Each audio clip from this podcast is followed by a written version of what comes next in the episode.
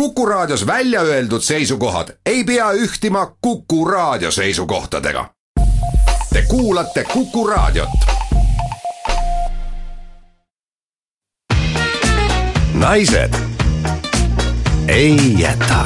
ei jäta, ei jäta, ei jäta.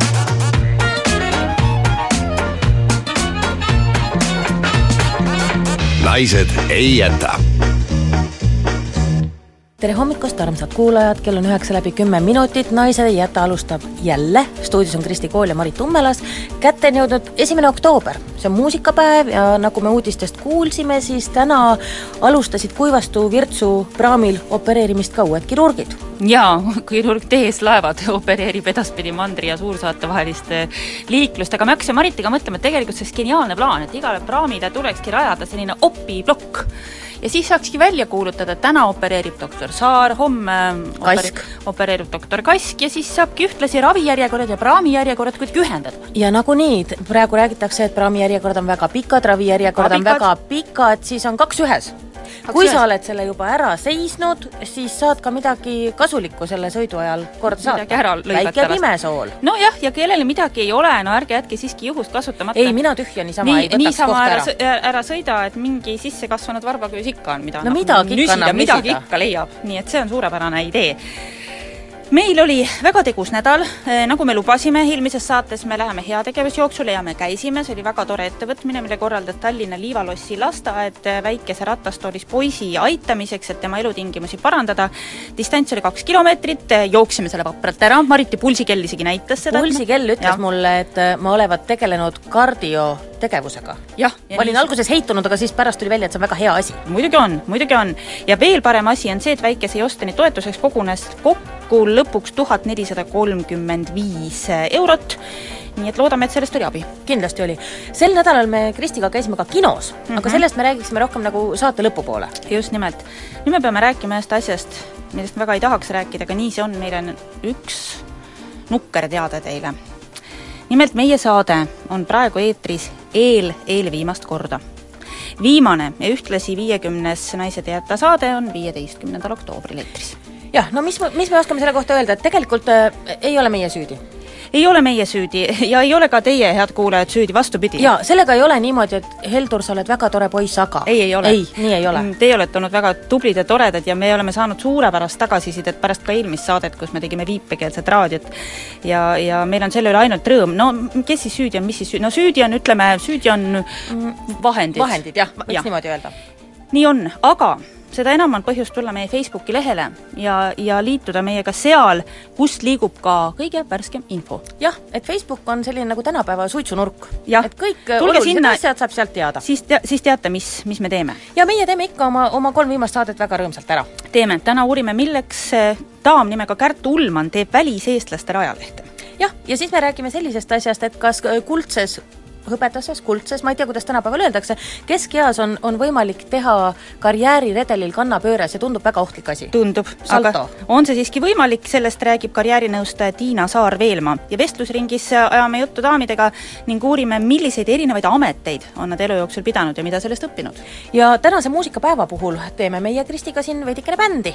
jaa, me hakkame õppima, vähemalt proovime õppida beatboxi ja kohale tuleb ekspert Fred Rõigas. aga nüüd kuulame siis ühe nukrama laulu ja siis ajalehed.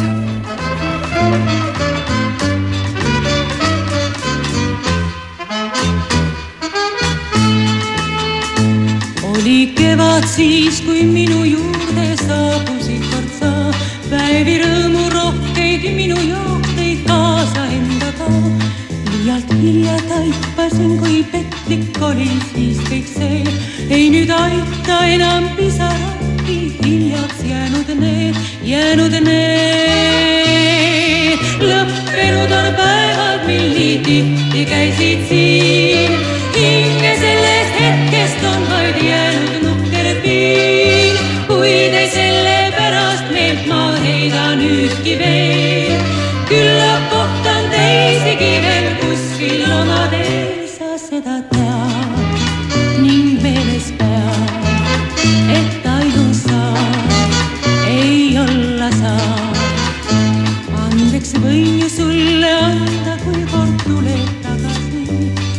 kas on sel mõtet, parem on, kui jääbki kõik nüüd nii. sõnu kauneid kord ju ütlesin, ma siiski üksi jäin.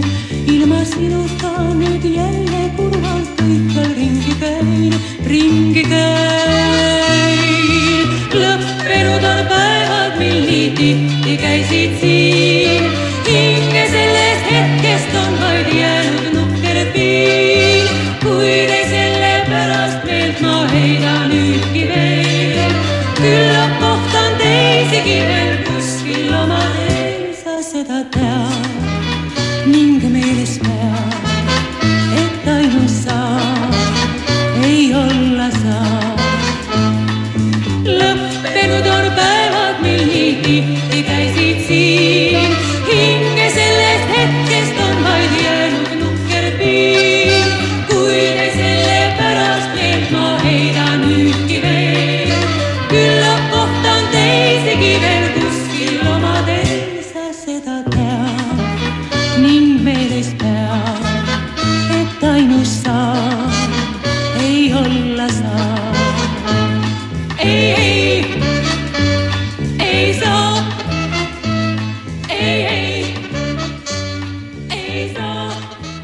naised ei jäta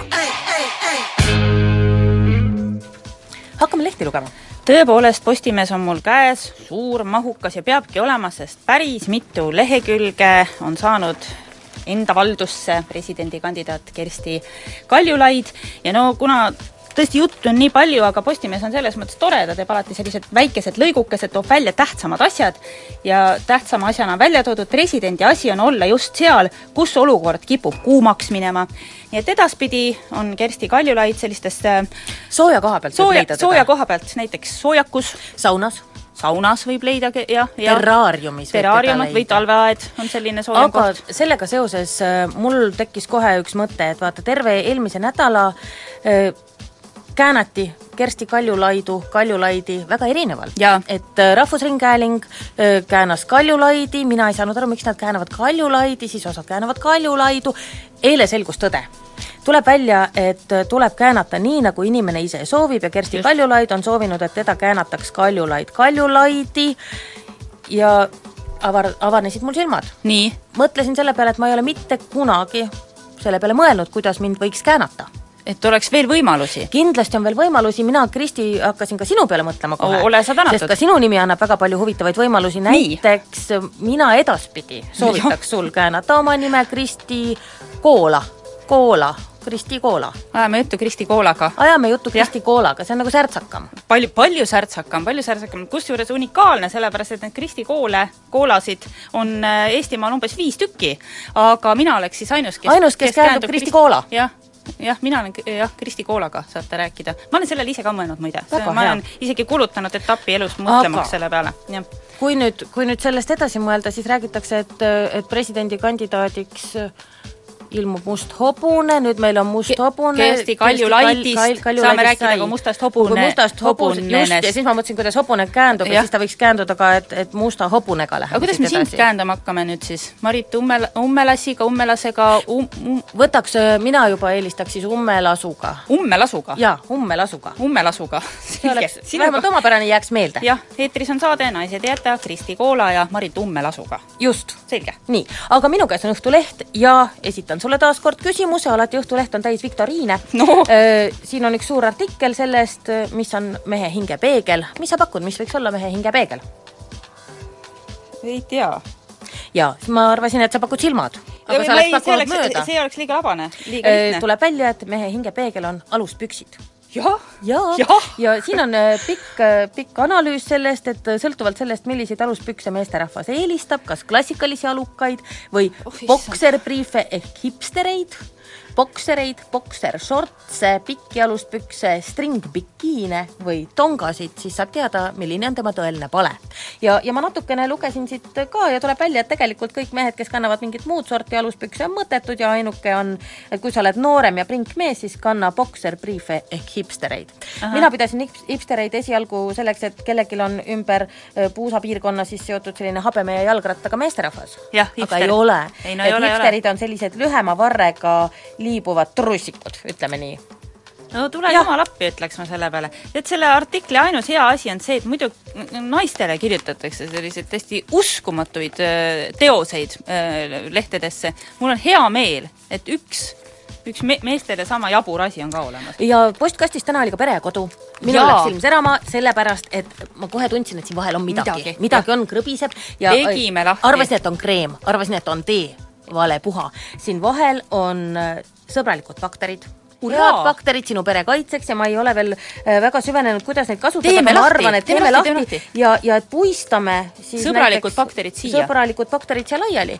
Väga hea oleks, kui sa lähed perega välja, ust lukku ei keera, riputad neid baktereid siia ukse ette. see on nagu selline turvamaagia ka natukene. aa, et na-, aga nad on ju sõbralikud Nad on sõbralikud, ei, aga nad on Aga- sinu pere jaa, nad kaitseks. on pere, pere kaitsvad sõbralikud bakterid. teavad, keda siis hammustada ja keda kaitsta. nii, väga hea, nüüd ongi seis selline, et me teeme sõbralike bakterite paki lahti ja puistame siia stuudio ukse ette, et pahad vaimud sisse ei saaks, aga kui me selle oleme ära teinud, siis me tuleme tagasi ja ajame juttu ajakirjanik Kärt Ulmaniga.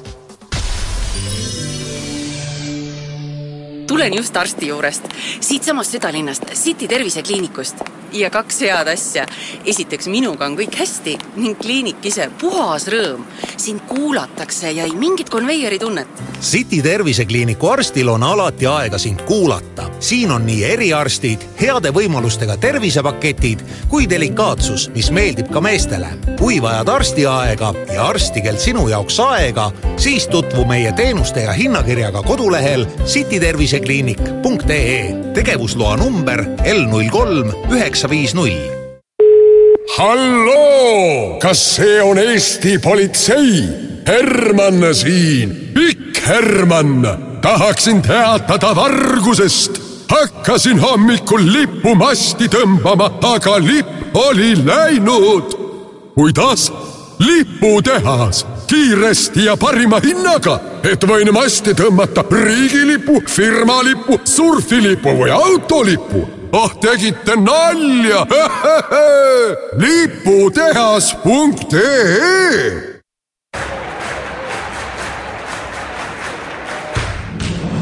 Eesti võrkpalli rahvusmeeskonna vastane Euroopa meistrivõistluste lisavalikturniiril on nüüd meie lõunanaaber Läti. kes keda, vaata esimest lahingut täna, mäng, mis peetakse Lätis Jelgavas algusega kell kuusteist viiskümmend viis, kanal kaheteistkümnes ja Postimehe online'is. Tähelepanu, tähelepanu, osta nüüd automaat käigukastiga Volkswagen Passat manuaali hinnaga. kiirusta, kampaania lõpeb oktoobri lõpus. Volkswagen superheringa sketšid Kanal kahes ekraanil taas homme. täiesti uus valik nalju ja täiesti uued külalised. parima nalja otsingud jätkuvad Kanal kahes juba homme kell üheksateist kolmkümmend. Alexela esitleb Tallinn International Horseshow seitsmendast üheksanda oktoobrini Saku Suurhallis. kolm päeva tippsporti ja kaasahaarav show-programm. piletid Piletilevist, lisainfo tallinnhorseshow.ee Tallinna Televisiooni ekraanile jõuab uus ja väga kõrgelt hinnatud Austraalia triller Ketteringi juhtum. vaata ülipõneva miniseriaali esimest osa Tallinna Televisioonis täna algusega kell kakskümmend üks viisteist.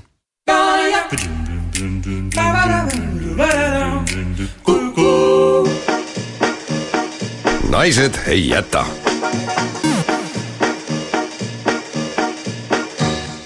väga keeruline on alustada intervjuud ajakirjanikuga. sellepärast, et mulle alati tundub, et teised ajakirjanikud tõlgendavad kõiki sinu küsimusi, pause ja sõnu kuidagi palju teravamalt kui teised inimesed. Aga me Kristiga võtsime julguse kokku, kutsusime endale täna hommikul külla Kärt Ulmani, kes on ühe ajalehe peatoimetaja. tere hommikust, Kärt! tere hommikust! mis ajalehte sina toimetad? mina toimetan Ameerika eestlaste ajalehte Vaba Eesti Sõna ja see ilmub iga nädal, kaksteist lehekülge, ja ta on ilmunud iga nädal juba kuuskümmend seitse aastat järjest. ja jätkub siiamaani. paberleht jõuab inimestele postkasti ja meil on selline väga lojaalne lugejaskond, põhiliselt küll Põhja-Ameerikas, ehk siis Ameerikas ja natuke ka Kanadas, aga meil on lugejaid ka Austraalias ja Euroopas kas tänapäeval on üldse paberlehel tarbijat? on, sellepärast et esiteks on olemas äh, Ameerikas näiteks, ütleme, kes on meie lugejaskond, on päris suur osa inimesi, kes näiteks ei kasuta siiamaani internetti hmm.. Kas nad lihtsalt ei huvitu või nad ei taha või nad ei oska või nad on juba liiga vanad aga, ja siis ne-, nende jaoks ongi nagu kogu info, mis nad Eesti kohta saavad, tulebki tegelikult meie lehest. nii et nad ootavad seda, et see leht jõuaks neile postkasti, kui see leht jääb hiljaks pool päeva või hoidku jumal, terve päeva, siis me saame väga tuliseid telefonikõnesid, hädakõnesid, et kus on minu leht ja palun saatke see kohe välja. Kuigi me tegelikult ise lehte ammu enam välja ei saada meie kontorist no see on hästi tore, tundub, et eh, sul on siis nagu meil Maritiga, me tunneme ka päris hästi oma kuulajat, seda küll tänu Facebooki lehele, kus meil on väga aktiivne suhtlus oma kuulajatega, me teame päris isiklikult päris paljusid neist. seal on, sul on ka ilmselt nii, et eh, sa tead oma lugejat? jah, enam-vähem, sellepärast et eh, väga tihti nad helistavad toimetusse no toimetus asub New, New Yorgis, ma pean mainima, et noh, et mina ise praegu seal hetkel ei ole. peatoimetaja asub siin. peatoimetaja asub siin, aga toimetus asub New Yorgis ja põhimõtteliselt nad helistavad, nad kurdavad oma muresid, vahest kui nad lehte ei saa, siis nad räägivad pikalt ka oma elust ja, ja me oleme teinud ka mitmesuguseid küsitlusi, et kui me küsime, mida nad meie lehest ootavad ja mida nad soovivad ja mida nad sooviksid parandada, siis tegelikult noh, nad vastavad päris põhjalikult ja päris ausalt ja meil oli küs-, viimane küsitlus minu meelest oli alles kuskil pool aastat tagasi. nii et meil on suht värske teadmine, et mida, mida nad meist ootavad. aga mida nad ootavad siis, kas nad tahavad teada rohkem äh, Eesti elu kohta, mis seal kohapeal on, sest Eesti kogukond on seal ju täiesti olemas, või siis neid huvitab, huvitab see, mis toimub siin Eestis? No see ongi nii ja nii, see on tegelikult fifty-fifty, et, et me ei saagi alati seda päris õiget balanssi kätte, sellepärast et nagu eestlased on, kui on kolm eestlast, siis on neli arvamust ja see kehtib kahjuks ka meie sealse ühiskonna kohta, et noh, neid arvamusi on seinast seina, et noh, me püüame siiski leida nagu, ehitada selle kiriku keset küla, aga meil alati ei õnnestu.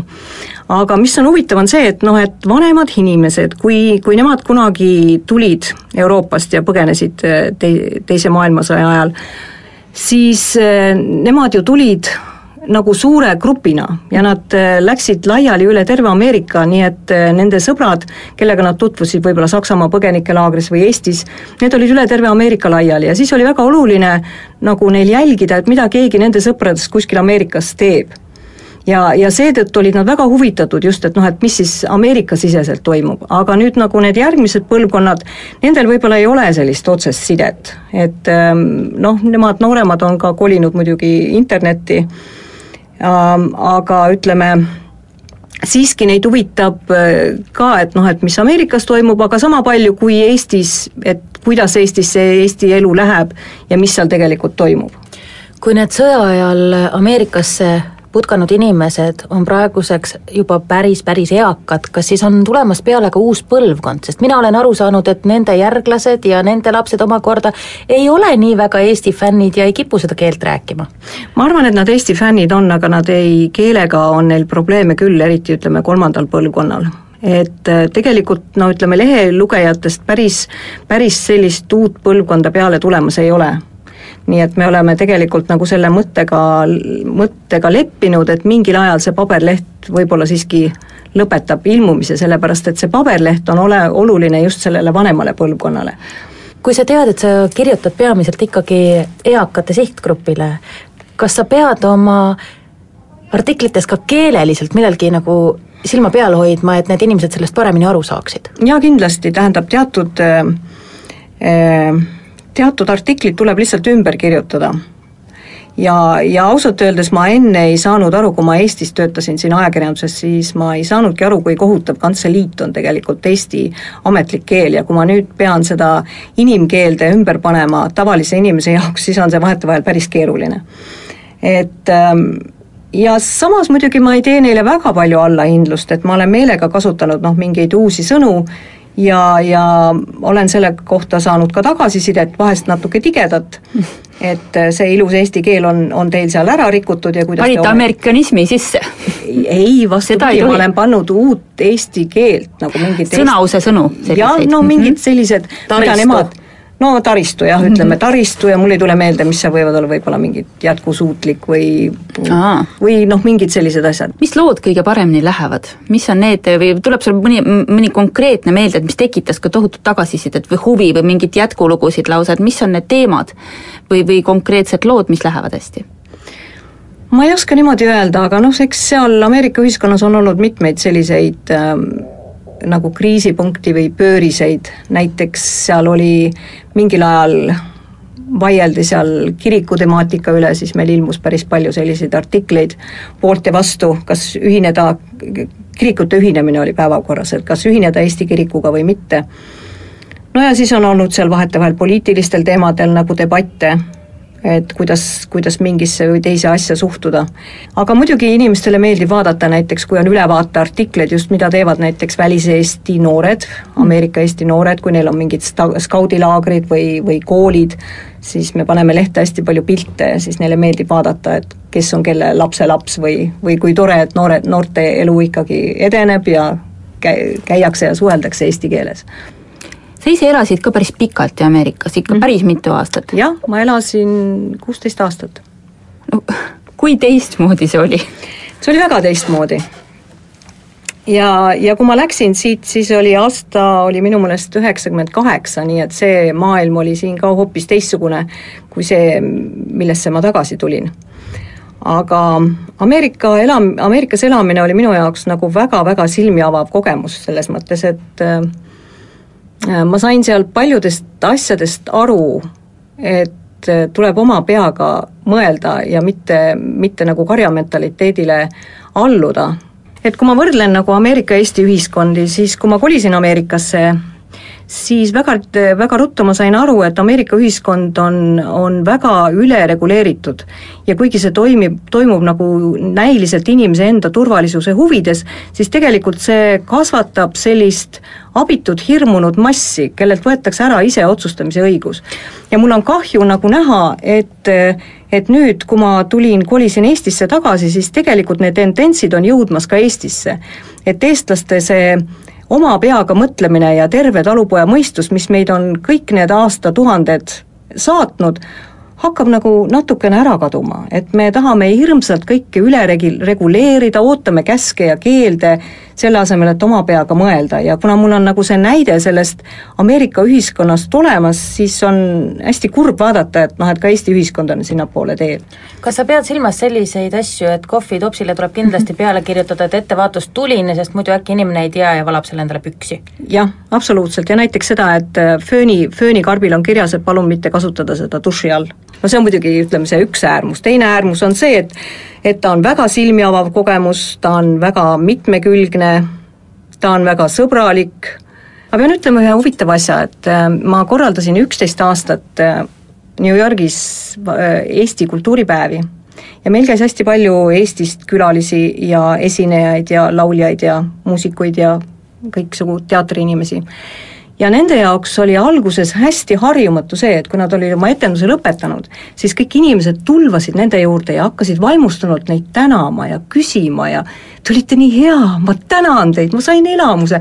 ja nad olid alguses täiesti nagu ehmatunud, silmad suured, sellepärast et nad ei olnud harjunud positiivse tagasisidega, et keegi üldse tuleb, et sa tegid täna väga hästi, ma tänan sind ja, ja see oli nende jaoks täiesti selline ootamatu asi, aga mina mäletan, et Ameerikas selline inimeste poolt selline tagasiside, kas või selline asi, et oo, et sa näed täna nii hea välja või oi, et see tuli sul hästi välja, et selliseid asju nagu siin ühiskonnas ei öelda. ja me isegi peame seda selliseks, noh, me ei ole siin nagu Ameerikas, meil ei ole siin kogu aeg mingi naeratamine, me isegi natuke minu meelest halvustame seda. jah, aga see on vale tegelikult. ma olen nõus. selles mõttes, et kui sa lähed Ameerikas linnaliini bussi ja, ja sa naeratad äh, talle ja ütled tere ja ta naeratab sulle laua, laia lõuaga vastu, siis, siis on see lihtne inimestevaheline kommunikatsioon, sa ei pea temaga sõbraks saama, sa ei pea temaga kohvi jooma, ta ei pea küsima sinu vanatädi tervise kohta, see on lihtsalt sõbralik inimene inimesesse. tere hommikust, head päeva, nägemist, oli tore, see on nii elementaarne minu meelest. ja tagasi tulla on ikka päris paras kultuurishokk. aga tagasi tulid sa ikkagi sellepärast, et sa hakkasid siinset elu igatsema? Jaa, ma hakkasin siinset elu igatsema juba mitmed aastad tagasi, sellepärast et ma käisin suviti siin, veetsin suved oma lapsega siin Eestis ja siis oli mul alati väga kurb ära minna, siis kui teised sõbrad läksid mul seenele ja hakkasid marju sisse tegema, siis mina läksin ära ja, ja midagi sisse teha ma ei saanud, sellepärast et nagu teada, lennukis on limiit ja sa ei tassi klaaspurke sinna Ameerikasse kaasa. no kas oleks võinud hakata juurutama kõike seda ka Ameerikas, et lähme, naised, metsa, seenele, marjule? seal sa ei lähe metsa. no kuidas nii? ei lähe, sellepärast et noh, esiteks seened on, ma kujutan ette, et seened ja isegi marjad on seal teistsugused, teiseks seal ei ole nagu sellist metsa, seal on kas ütleme, national park, kus sa ei korja kõike, mis sulle silma jääb, või siis on eramaal, sa ei käi seenel. et noh, seal lihtsalt ei ole nagu seenel käimise kultuuri ega vist hoidistamist ka vähem või on mingid teistsugused asjad? ei, hoidistamist ka ei ole, hoidistamine on uus ja popp asi, mida noored hipsterid avastavad ja kirjutavad raamatuid. oi, aga meil on palju õpetada neile siis? meil on väga palju õpetada. sa oleks võinud ikka sinna jääda ja oma koolkonna rajada nagu Martha Stewart mm, -hmm. annad välja oma kokaraamatuid, kuidas vekkida tikreid, kuidas marineerida seeni. no me tegelikult väiksel, väiksel viisil me Ameerika seal New Yorgi Eesti Majas seda ka tegime, me tegime seal, mitte küll minu eestvedamisel, aga me tegime seal aastaid juba verivorsti õigest verest, niimoodi, et veri toodi tapamajast konteineritega. vaesed ameeriklased olid jah, vaesed ameeriklased ja kui nad oleks, keegi näiteks see auto oleks avariisse sattunud või, või vereämbrid oleks sealt autost leitud, siis oleks see väga kahtlane tundunud aga ühel vereteol või vereteol, verivorsti teol käis isegi kohal New York Times Oo. kirjutas sellest artikli ja siis muidugi pandi sellised pildid, kus eestlased olid küünalnukkide veres kõik selle pudru sees kätega mösserdamas. aga, aga jah, selliseid asju, siis leiba küp-, küpsetasime seal, praktiliselt igaüks küpsetas ise kodus leiba. et ähm, noh, selliseid asju me seal tegime, jah kui üheksakümnendatel piirid lahti läksid, siis mulle tundub, et, et kõiki kodueestlasi külastas selline mõte, et ehk mul on kusagil kaugel Ameerikas pururikas vanatädi, kes varsti ära sureb ja kõik mulle pärandab ja, ja ma ei tea, kas siis hakkasid ka väliseestlased eestlastest midagi, kodueestlastest midagi sarnast mõtlema? tead, ma arvan, et eks üheksakümnendatel oli nii ja teisiti ja, ja päris, ma kujutan ette, et päris mitmel inimesel oligi selline pururikas vanatädi, et äh, mõne, ma ei ütleks, et nad nüüd surnud on, nad elavad siiamaani, aga aga ma tean ise inimesi, kes läksidki oma vanatädide juurde Ameerikasse ja elavad päris hästi seal aga eks oli nii ja naapidi, noh, oli, oli eestlastest õnneotsijaid, kes läksid Ameerikasse ja oli Ameerikast võib-olla inimesi, kes kujutasid ette, et nad tulevad nüüd pärismaalastele elu õpetama, nii et ma arvan, et seda oli mõlemat pidi. aga põhimõtteliselt siiski minu meelest valdav on on huvi üksteise vastu, sellepärast et tegelikult on väliseestlased ja kodueestlased noh, päris erinevad, sellepärast et see elukogemus see ühiskond ikkagi nii erinev. ja, ja nagu see kommunikatsioon nende kahe grupi vahel ei ole olnud päris edukas. ja mina, kes, kes ma tegelikult, mind nagu omaks võeti sinna väliseestlaste gruppi, siis ja samas olles kodu-Eesti taustaga, et ma nagu näen, tunnen neid mõlemaid pooli, ma näen neid ja ma näen, et see kommunikatsioon ei toimi alati. et on arusaamatust ühelt ja teiselt poolt on teatud sõnade kasutus, mis, mis tekitab teises pooles nagu, nagu nagu pahameelt ja, ja kibestumist ja on, on haavad, mis on lihtsalt kuhugi maha maetud, aga kui sellest rääkida, siis tulevad välja, nii et noh, seal on väga-väga palju rääkimata asju ja tegelikult äh, mul on nii kahju, et Eesti rahvas kunagi niimoodi lõhestati, sellepärast et meid on nii vähe. et noh, meil on tegelikult olemas see ühisosa, see eestluse kümne tuhande aastane seeme on meil kõigil kuskil olemas. aga see on, kellel on see lihtsalt kuhugi ära maetud hästi sügavale ja kes, kes kuidagi ei jõua selleni, et et noh, see ühisosa leidmine oleks hästi oluline. päiv länne õdagule jõudnud, on su elapäev kaugel võõril mail. Päiv vaanu und ei tule viib, sest ei ole sinna siin ja kodumaad. oled ilman roitnud palju nännu, võõrid maid ja elab pillerkaart. päiv langes öö on saanud võimust, aga hingiks hüüd, kas oled jäänud sa, kas küll ammu halja aasa nurma? Kodu väärad pauki luutman mind. päiv vaonu õdagule jõudnud, on su elupäevad kaugel võõril mail.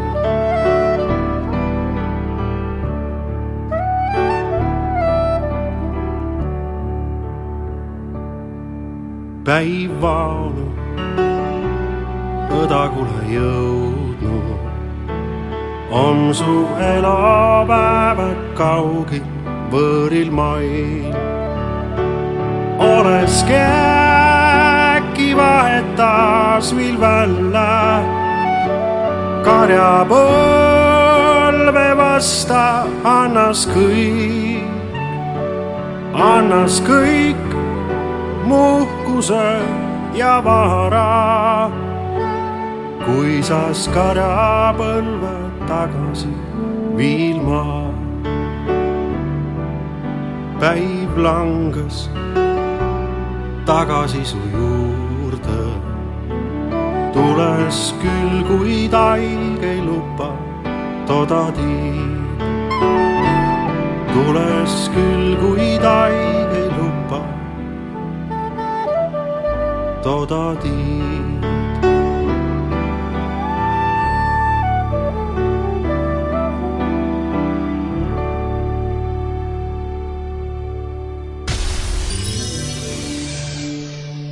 Iga naine on väärt, et teda koheldaks kuningannana.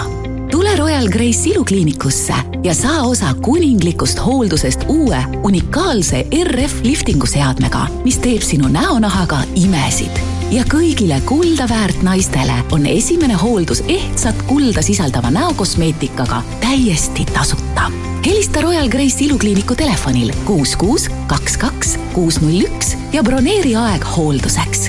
Sa oled ju kulda väärt. sa pole tahtnud koju suuri klaaspindu, sest tundub kuidagi igav. nüüd on see minevik. klaasmärki digitaaltrükiga kaetud klaas annab võimaluse luua sisustamisel uusi, moodsaid ja unikaalse kujunduse ning värvivalikuga lahendusi digitaaltrükiga klaasvaheseinad, trepi ja rõdupiirded, ukseklaasid, köögitaustad ja muu leiad kodulehelt klaasmärk.ee. halloo, Ivo siin. kutsuti just pehme mööbli reklaami. ütlesin, et kui pole Ameerika oma, siis pole mingi pehme ja ärgu lootkugi. istudes peab olema sihuke mugav kädilläki tunne, siis on pehme aga seda saad proovida ainult kodusalongis Charma Järve keskuses. vaata charma.ee. interpreetide liit kutsub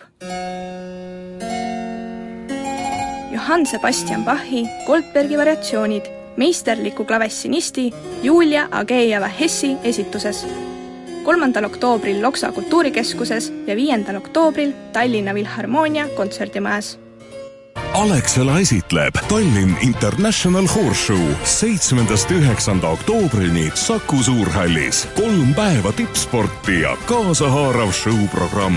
piletid Piletilevist, lisainfo tallinnhorseshow.ee sellel laupäeval kella ühest saates Publiku märk on juttu Eesti Filharmoonia Kammerkoori juubelihooajast, filmist Luuraja ja luuletaja, Ugala teatri hooaja avalavastusest, Soo, EMTA värske heli festivalist Sügisfest ja Tallinn Comedy Festivalist Tallinna Televisiooni ekraanile jõuab uus ja väga kõrgelt hinnatud Austraalia triller Ketteringi juhtum.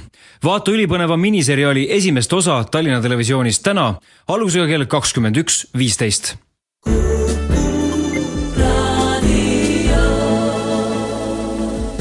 naised ei jäta. Täna on muusikapäev ja meie Kristiga tahtsime kangesti kutsuda siia stuudiosse mõnda muusikut ja siis selgus, et kõik inimesed, kellel on tšello või triangel, on praegu Keila rongis. jah, sest et muusikapäevadel toimuvad üle linna igasugused projektid, muide Aivar Sõerd mängib orelit täna ja iga Keila rongis? ei, mitte Keila rongis, Jaani kirikus. aa, no see asi seegi aga me ei tahtnud kuidagi ikkagi muusikapäeva teemat jätta kajastamata, me oleksime tahtnud ise loom-, meile ju meeldib kangesti ka kõike ise teha, ise pilli mängida, ise laulda, aga me ju ei oska pilli mängida. et noh, mis pilli no sa tegelikult suupilli oskad, kaks takti tuli päris õige jah, välja arvatud see suupill. aga me tahtsime midagi rohkemat, midagi põnevamat ja siis meile tuli mõte, beatbox. Beatbox, kusjuures armsad inimesed, see ei ole sport ei, ei ole, ei ole löömine, ei ole poksimine, see on äh, suuga pillide imiteerimine. Suurrütmika. suurrütmika, aga äh, olgem terminites täpsed, selleks, et me saaksime olla täpsed, on meil külas Fred Rõigas, muusikaõpetaja ja beatboxi guru, tere! tere! Tõepoolest, beatbox jah, on trummikomplekti jäljendamine, aga äh, harrastajad imiteerivad siis suuga ka näiteks trompeti häält, miks mitte ka mandoliini häält, miks mitte viiuli häält ja igasuguseid äh, süntesaatori helisi. kas beatbox ida kas öeldakse üldse beatbox ima, Jaa, nagu box, box, jaa, jah. beatbox ida võivad ka need inimesed, kellel võib-olla viisipidamine kõige paremini välja ei tule, aga see-eest on suurepärane rütmitunne. Ja see oleks, see on vägagi teretulnud, sellepärast et et äh, kui noh, kui on ühelt poolt natuke vähe antud, siis äh, kui ja teiselt poolt äh, rohkem, siis tuleb seda just seda teist poolt ära kasutada. ja hea rütmitundega inimesed äh, miks mitte beatbox ima panna. No me pe- peaksime vist kõigepealt tegema ühe sellise beatboxi helinäite, me oleme muidugi pannud täna meie äh, Maili, kes on täna puldis ülikeerulisse olukorda, sest iga helioperaatori õudusunenägu on ilmselt see, kui tuleb stuudiosse beatboxija, kes hakkab mikrofone umbe taguma, aga me proovime, Maili on professionaal, küll me hakkama saame. Kui sa oleksid nii kena ja teeksid ühe näite, noh sellisest tüüpilisest beatboxist, kuidas see siis kõlab? Äh, ma vahepeal tahtsin, tahtsin öelda veel seda, et, et äh, beatboxi mõte ongi see, et mikrofoni võimalikult umbe lüüa, sellepärast et äh, et äh, see, see rõhk, mis tuleb suust, tehes siis äh, mõnda e- äh, trummielementi, peab äh, võimalikult mikrofoni lähedal, lähedalt sisse minema ja beatboxijad katavad ka käega membraani ära, et midagi, mitte midagi kaduma ei lähe, mina täna siin äh, äh, membraani katma ei hakka, sest siis tulevad sahinad, kuid äh, hästi lähedalt teen ikkagi. nii No ole lahke, meil on eraldi beatboxi mikrofon.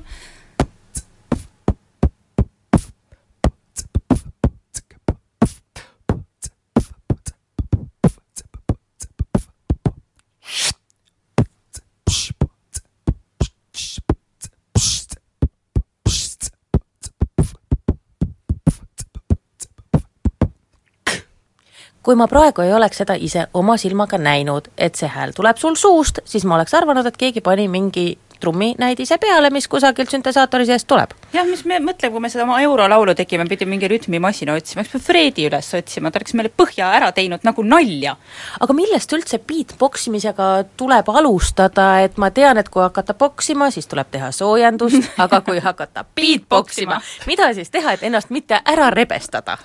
Äh, rebestada polegi võimalik, et äh, kõige lihtsam ongi see, et tuleb äh, hakata trummikomplekti jäljendama ja selleks on vaja meil ära õppida, mida teeb basstrumm. nii, mida bass, teeb? basstrumm teeb äh, näiteks nõrga B-tähte. mul tuleb tegelikult plops. see oli isegi, isegi natuke tugev B sul, Ah, aga nõrgem. nõrg B, selline lihtsalt ja kuna me teeme seda mikrofoni, siis on seda väga hästi kuulda, sest juba mikrofon hakkabki umbe minema. hakkab, hakkab jaa. aga sul on kuidagi helilisem see, oota. jaa, sul on see kuidagi niisugune tummisem. aga võib-olla heli, helirežissöör timmis paika mul. oh, sul on, sul on, sul on parem režissöör midagi sellist või? jaa, see on väga hea. see annab juba sellise päris tugeva Kristi on leidnud kutsumuse praegu, ma saan saab, aru. minust saab basstrumm edaspidi ja järgmiseks äh, õpiksime ära mm, soolotrummi. muidugi. soolotrumm on see, mis trummaril on ees ja ja teeb ta siis äh, näiteks või siis, või siis B, tugev B ja F. noh, proovi ka. sa ikka kaugel oled sa? ma, ma kardan, ma, ma vaatan kogu aeg Mailit ja ma kardan, et ma, Maili läheb kurdiks, kui ma siin teen no, mul ei tule niisugused hääled välja. B, tugev B ja F kor-, see F annab sellise ved-, vedru soundi vedru hääle nagu, mis vedrud on äh, soolotrummi all ja see F-täht annab sellise, sellise hääle. jah, nii ongi. Aga võib-olla, võib-olla see pš oli nagu lihtsam. on parem jaa. sest kui ma proovin teha põff-põff, siis mul tuleb rohkem niisugune pioneeritrumm mm. -hmm, jah, jah, teeb, teeb pss. ja proovime nüüd kohe kaks asja kokku panna, et meil oli basstrumm, mis oli nõrk B Mm -hmm. Ja siis see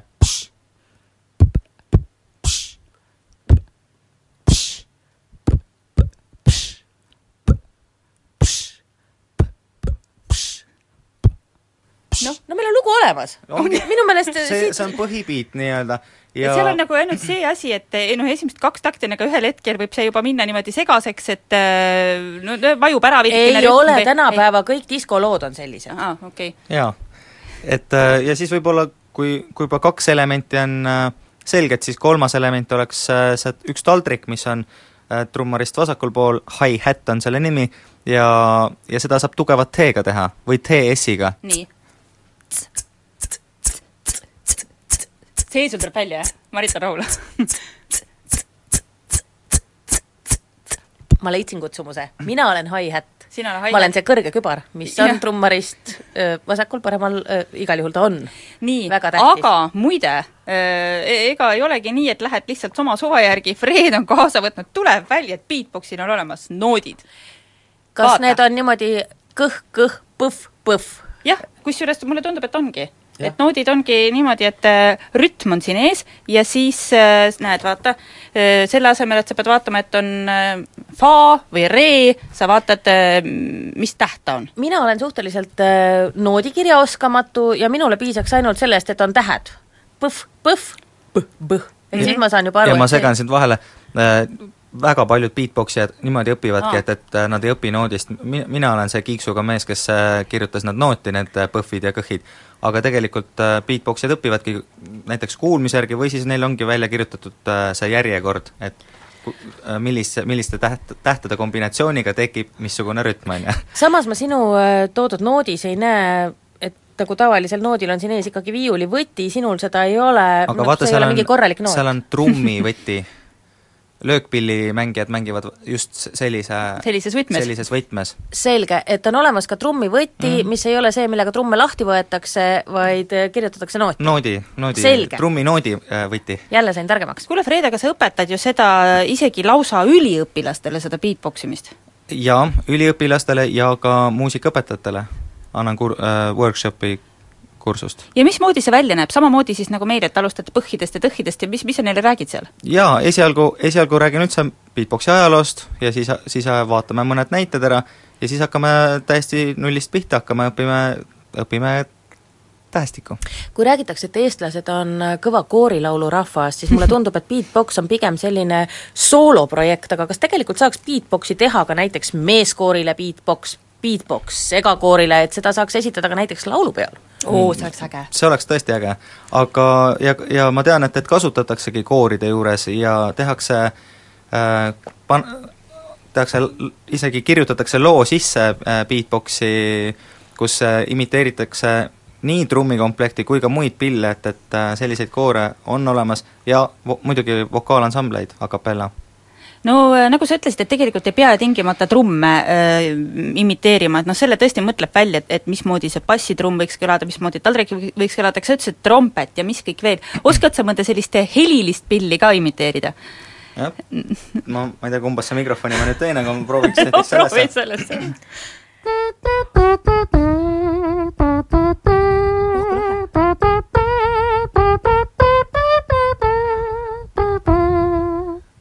väga hale lugu oli, mina jäin väga uskuma. kihvt oli, tõesti lahe, tõesti lahe.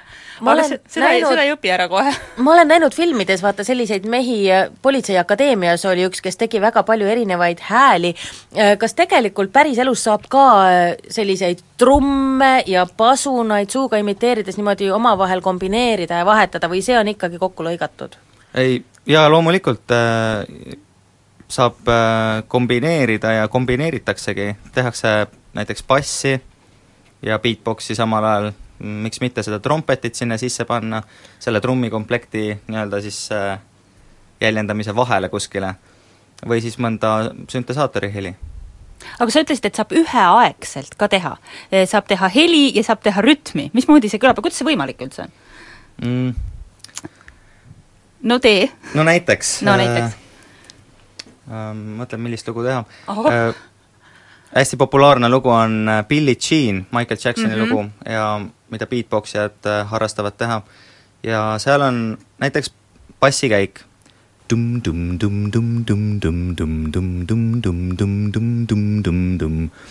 ja kui sinna lisada beatboxi,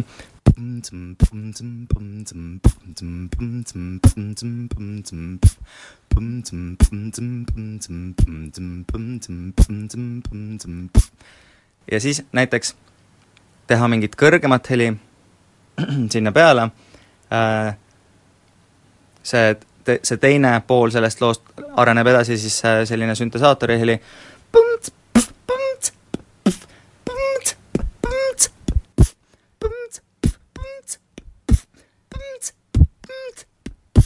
midagi sellist äkki. sassi ei lähe, ma ei saa aru et just see, et sa pead ju keelega olema väga osav, see nõuab korralikku sellist äh, niimoodi logopeedilist liikumist ja suu peab olema hästi lahti ja, ja just see, et sul ei lähe see vale trumm ei tule sisse. samas Nii. saab seda harjutada igal pool, sõites trammis, olles liftis, autoga sõites, vaata, kui sa oled tšellist, siis sa ikka trollis ja, ei harjuta. ei harjuta, jah, aga seda saab, harjutadki igal pool, on ju? ja autoga oleme küll proovinud miks mitte, et aga ja, ja tänava peal ka, kui just väga palju inimesi ei ole, siis omaette niimoodi vahel mõtlen mingisugust kombinatsiooni läbi küll. nagu sa ütlesid, et on mingid lood, mis beatboxijatele väga eriti meeldivad, eks ole ju, et ja. Eh, mi-, missugused siis veel lisaks sellele mm.? noh, beatboxijate abc lugu on nii-öelda If your mother only knew, mis on Razelli, üks beatboxi artist, kes sooloartistina on kuulsaks saanud just selle looga, kus ta pani äh, kokku beatboxi ja laulu. ehk siis, kui ma praegu tegin äh, trummikomplekti ja bassi näiteks või trummikomplekti ja mingisugust kõrgemat äh, süntesaatori heli, siis äh, Rasel pani kokku laulu ja beatboxi. suudad teha ka või? no ma proovin. no proovi äh,. Viis on niisugune lihtne. nii. If your mother only knew, knew If your mother only knew, knew. ja, ja on veel lihtsam.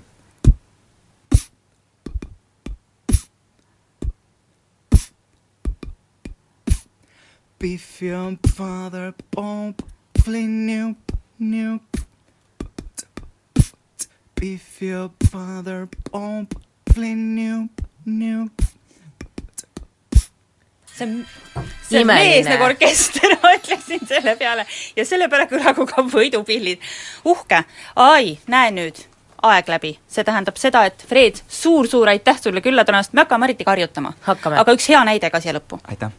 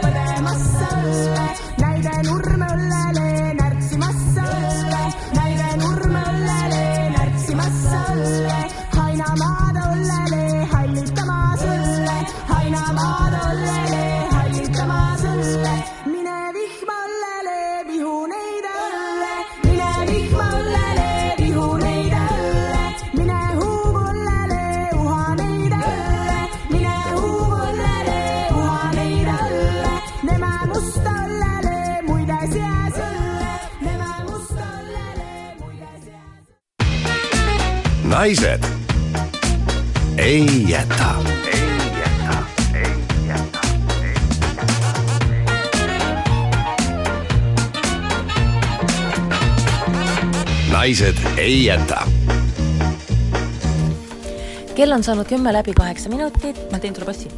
tee passi. ja ma sattusin kohe segadusse, täiesti sain kimbatusse. nii, mina tahtsin öelda seda, et kell on kümme läbi kaheksa minutit ja alanud on Naised ei jäta teine saatetund ja stuudios on Kristi, kes teeb back'i ja Marit ja tere, rohkem ma back'i ei tee, sellepärast et äh, teema on muutunud, aga beatboxi, beatboxi me õpime edasi, meil on noot jäeti meile, Fred jättis meile noodi.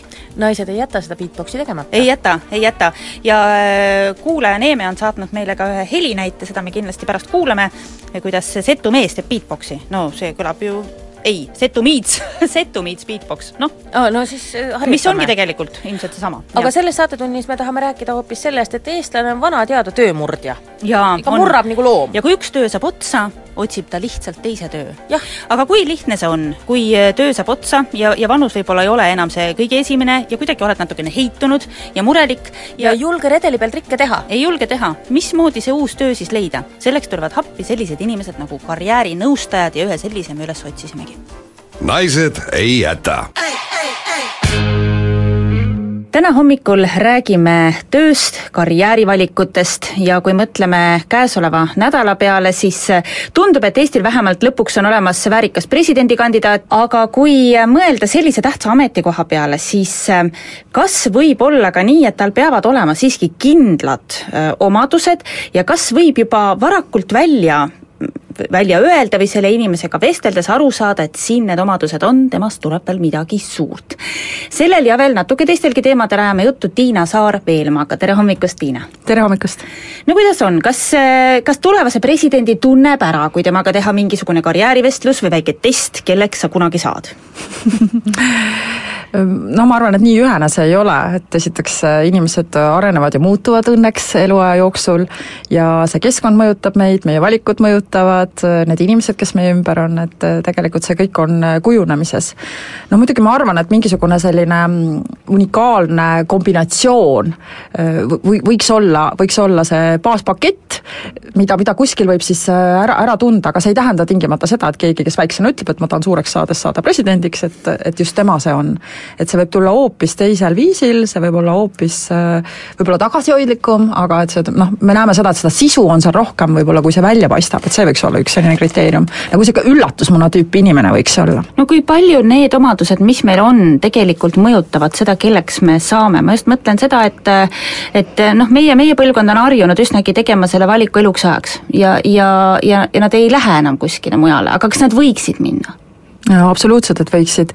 et mul ongi vahel kurb või ka kahju, et kuidas siis öeldakse, et inimesed viivad oma muusika endaga hauda kaasa, ilma et see nende eluaja jooksul avalduks. et nad te-, oma tegelikke andeid ei ei kasutagi ja varem või hiljem me näeme, et see pöördub nende vastu. et kõik inimesed, keda, kellest te olete tähele pannud sellist kibestunud jooni, et seal all võib olla see, et ta ei ole saanud ennast tegelikult realiseerida. et midagi on läinud kuskil valesti või on mingid piirangud tekkinud, et ta ei, ta ei õitse ja ei õilmitse. et noh, see on nagu, võib võrrelda taimega, eks ole, kui taim satub kasvama õigesse kohta, siis kui tingimused on head, eks ole, õige kliima, piisavalt päikest, vihma, et siis ta puhkab õide ja inimesega on täpselt sama lugu. ja nüüd ma arvan, põhjus on selles, et me tuleme haridussüsteemist ikkagi läbi üsna selliselt, et meil ei ole ainet, kes ma olen ja mida ma siin elus teha võiks. kõik see eneseanalüüsi, enese tundmaõppimise pool on puudu. ja, ja tihti kui, on ka selline tagasihoidlikum isiksuse tüüp, kes võib-olla jätab mingisugused valikud tegemata, midagi proovimata või on liialt kohusetundlik, käib näiteks, mul on näite, kus kliendid käivad doktorikraadini mingi haridustee läbi ja siis avastavad, et oi ups, et see ei olnud ju tegelikult üldse see, mida ma tahan, aga kuidas ma nüüd ütlen siis oma vanematele, kuidas ma tunnistan oma lähedastele, et ma käisin täitsa vale rada.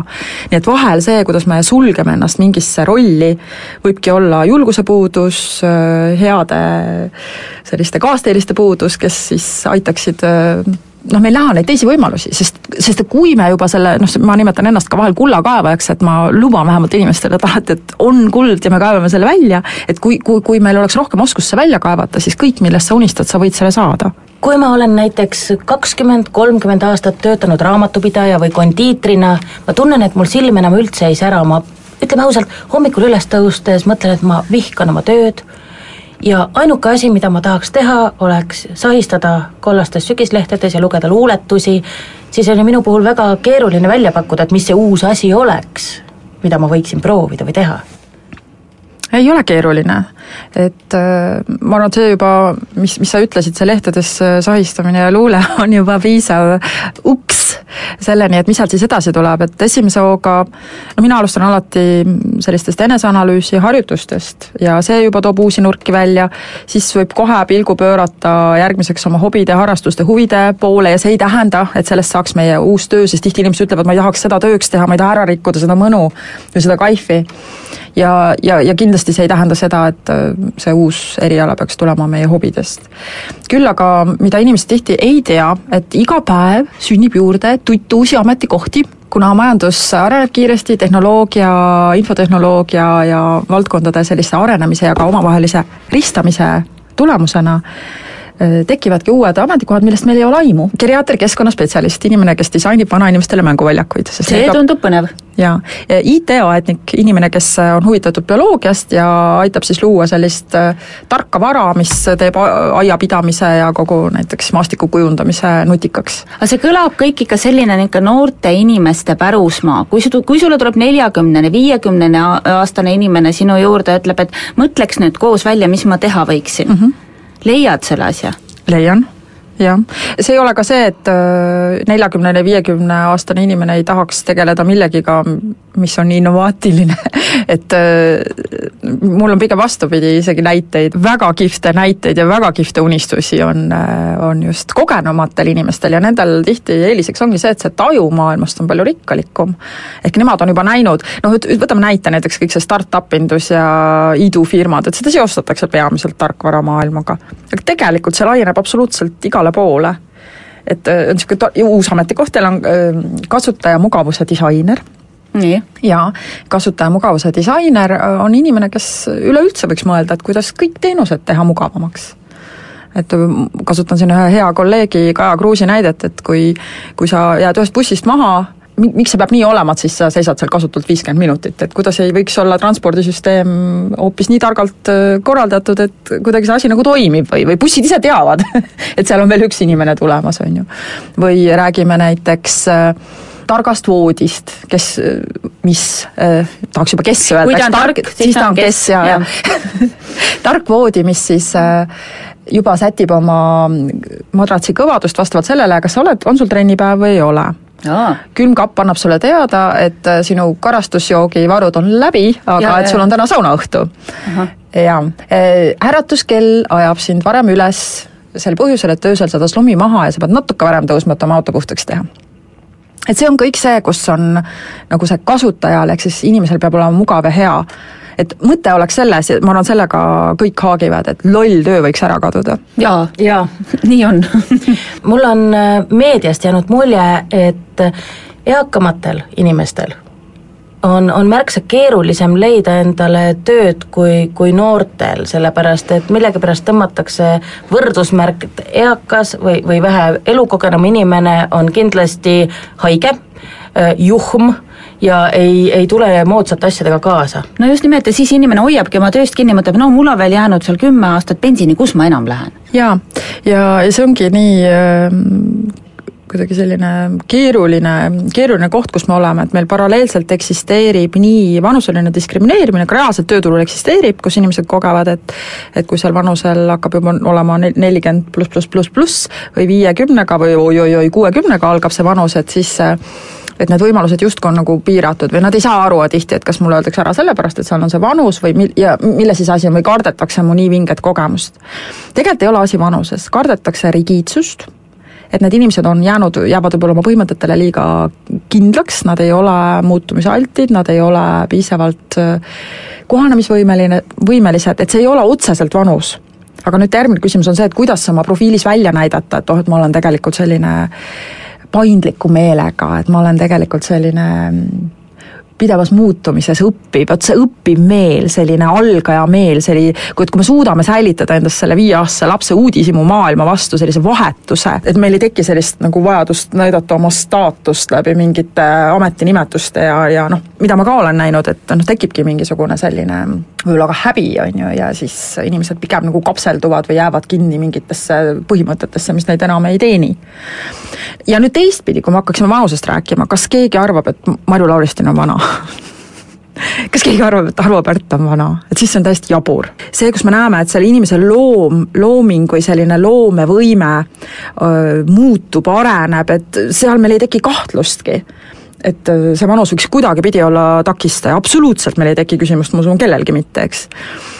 ja, ja ma arvan, et sedasama mõtte me võime kanda kõikidele aladele üle, et inimene on looja, oma loomult ta on looja igal pool. Et kui sa teed neid pagaritooteid, sa oled sa samamoodi looja, kui sa pühid sügislehti, oled sa ka looja, kui sa kirjutad artikleid või teed saadet, ole, oleme samuti siis osa, osa sellest suurest loomingust kas inimene võibki karjäärinõustaja li-, juurde lihtsalt tulla ja öelda, et ma olen kuidagi kokku jooksnud, mu töö ei rõõmusta mind, aita? jah, võib tulla, täpselt. et mina nimetangi seda teelahkmel olemiseks ja, ja, ja noh, esimene kontrollküsimus ongi see, et kas ma olen õnnelik. kui ma saan noogutada, siis on hästi, siis ei pea torkima seda, mis toimib noh, vahel võiks muidugi seada kahtluse alla, et võib-olla meil on, võib-olla see on osa meie sellisest kaitsemehhanismist mm, -hmm. et ma olen igal pool nägu kõrvuni ja et olen õnnelik. aga mul sees on ikka niisugune tunne, et, et äkki on veel midagi, mis, millel, mida ma ei ole märganud et siis sealt edasi ongi see samm, et siis tasub seda uurida, tänapäeval on su-, suurepäraseid coach'e, mentoreid, superviisoreid, psühholooge, nõustajaid, noh, vali ainult meetod, mis sulle sobib, kõik asjad ei sobi kõigile ja sealt edasi siis ongi, mulle väga meeldib öelda seda mõtet, et üks on liiga väike ühik, et teha suuri asju. et meil on vaja seda peegeldust, meil on vaja seda kaasteelist, kes nagu aitaks tuua need meie võimed ja võimalused pildile ja sealt edasi on siis juba sammhaaval mm, sinnapoole liikumine, nii et kui meie Kristiga tuleks sinu juurde ja küsiks, et anna nõu, milline karjäärivalik meile võiks sobida mm? -hmm. mida sa meile soovitaks no vot niimoodi, see, see on ju see ilus tõde ka, et nõustaja ei tohi kunagi nõu anda, sest siis see nõu on ju nõustaja oma mm. -hmm. et äh, sellepärast ma ei saa nagu otse öelda, et jah, zooloog mine zooloogiks mine zooloogiks, et äh, aga, aga see ongi selline koos avastamine ja, ja, ja ma saan ainult lubada seda, et ma, ma kaevaksin, kaevaksime koos selle kulla välja inimesed ei peaks seda kartma, et äh, tulevad nõustaja juurde ja nõustaja ütleb, nii, sina edaspidi lähed tööle, oot, oot, tõk-tõk-tõk-tõk, siia ehituskauplusesse värviosakonda müüjakonsultandiks jaa, ja vot nüüd sa astusid väga valusa kannasilma peale, mis meil ühiskonnas tegelikult on täna püüdes olla mitte liialt kriitiline, aga ma ütlen siis niimoodi kenasti, et äh, meie tööturuteenus laias laastus on kahjuks selline, mida sa just ütlesid mm. -hmm. et tegelikult me suures pildis me ei kaeva välja inimeste andeid ja me ei usu neisse. üldjuhul peaksime täna olema valmis selleks, et kui meil on väga erilised anded, siis me loome selle rolli sinna ümber mm, -hmm. sest me riigina, ühiskonnana võidame sellest tervikuna sellisel juhul. et see no. väärtuse loomine ja vajalikkuse tunnetamine on hästi oluline. no kuidagi tuleb siis sellest niimoodi jagu saada, et töö on loomulikult vahend, et leiba lauale saada, aga ta peaks olema siiski ka selline, mis rõõmu pakub jaa, ma olen nõus selle osaga, et see peab absolu-, et õnn on põhiõigus, et meil peab, meil peab huvitav olema, iga tööandja peaks äh, oma töötajatesse suhtuma sellisel viisil, et ta annab nad tagasi tööturule paremini kui, paremas seisus, kui ta, kui ta nad sai, tsiteerin siin oma hea kaasteelise Klaas-Jan Reinke sõnu, aga, aga teine asi on see, et see on lõks, kui inimene mõtleb, et äh, see peab leiva lauale teenima, sest sinna me tavaliselt kukume sellesse lõksu. sest siis inimesed otsustavadki, et aga ma pean ära kannatama mm, -hmm. mul on siin nõme olla, aga kuhu ma lähen? leib on vaja lauale teenida. nii et väga tore oleks see, kui me nüüd siin lähi viiekümne aasta jooksul suudaksime oma ajus lahti ühendada selle mõtte, et töö on ainus viis raha teenimiseks ja ma ei mõtle siin illegaalseid viise aga et äh, üks asi, mis on puudu lisaks enese mm, avastamise, enese juhtimise oskustele, on ka finantskirjaoskus ka see tarkus, et noh, on ju ka muud viisid, kuidas enda sissetulekuid suurendada, juhtida investeerimisest kuni, kuni targema majandamiseni välja, ma ütleks. Excuse me, Mr Manager, can I have a word? I need to tell you something I don't know if you've heard. You see, you've always told me what to do at this company. But now I've thought of something that you can do for me. You can stick your job, that's what you can do. You can whistle if you think I'm doing any more for you. You made my life a misery, I've had to draw the line. So take your job and stick it where the sun don't shine. I'm handing in me notice, yes you were correct. I'm walking out resigning with immediate effect. If you want this in a letter, I can do that with ease.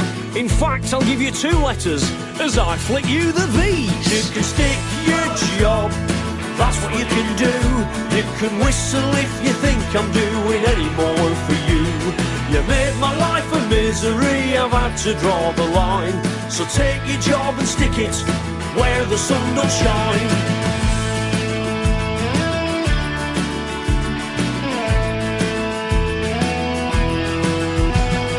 Sorry if me walking out, it puts you in a panic. But working is like rearranging deck chairs on Titanic. This company's clueless, the management's a farce.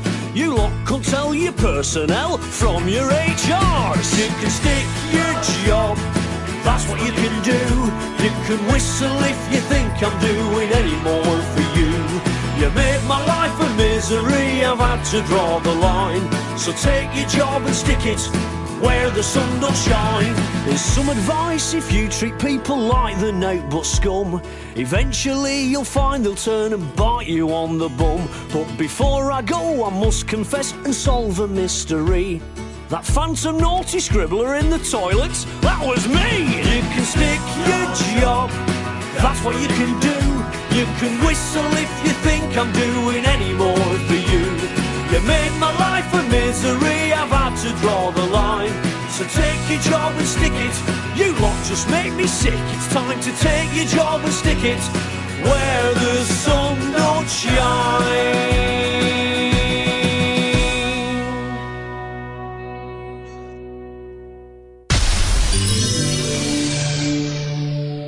On üldse asju, mis mind kontoris ärritavad, siis see, kui koopiamasin kinni kiilub või jälle tahma nõuab. Või see, kui printer enne juhtkonna koosolekut teatab, et tahm on otsas. Või see, kui paber on jälle otsa saanud. aga viimasel ajal ma enam ei ärritu, sest nüüd toimetab meil siin printerikeskus. Ja printerikeskuse poisid on pagana kiired ja ajavad asjad korda, enne kui ma ärrituda jõuan printerikeskus Tartus ning Tallinnas uuel aadressil Peterburi tee neliteist A.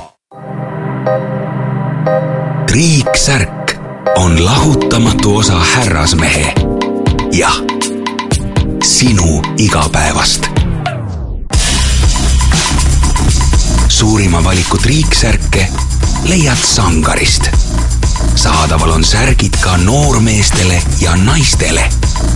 Sangar suurim valik särke. vaata lisa sangar.ee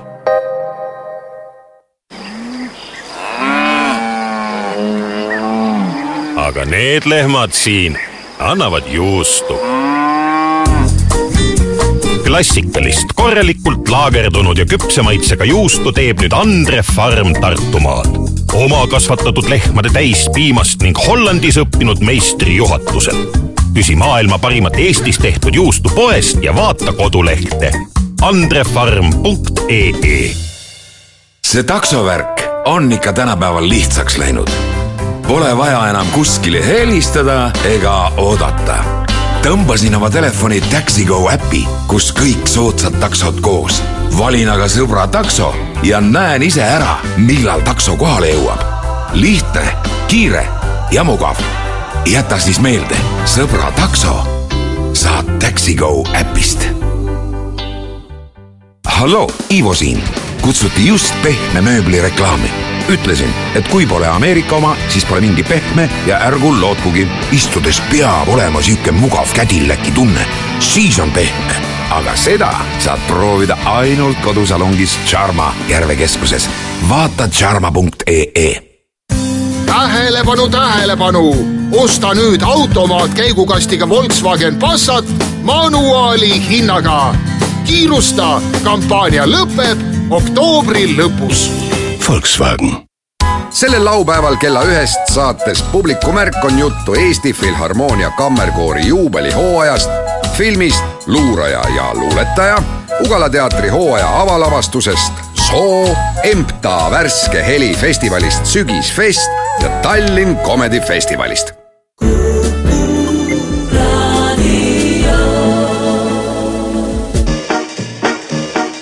naised ei jäta.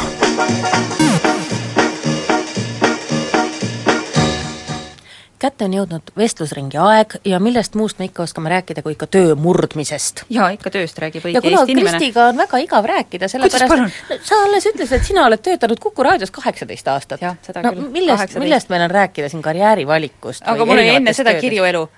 aa, jaa. No selge, vot seda ma ei teadnud, aga ma igaks juhuks kutsusin ikka kolm daami veel toeks, et, et meil see vestlus kannaks, oleme kutsunud siia Kaire, Kaisa ja Auri, et rääkida nendest töödest, mida me oleme elu jooksul teinud, mõned on olnud vist meeldivamad, teised veidi võib-olla ebameeldivamad, aga teemegi väikse loetelu siis. enne seda, kui ma kaheksateist aastat olin äh, raadios, ma olen olnud äh, puiduvahendusfirmas sekretär, ma olen äh, olnud lastelaagris kasvataja. Siis olen olnud äh, näitleja teatris lausa, siis olen olnud äh, televisioonis uudistereporter, saatejuht ja siis tulin raadiosse.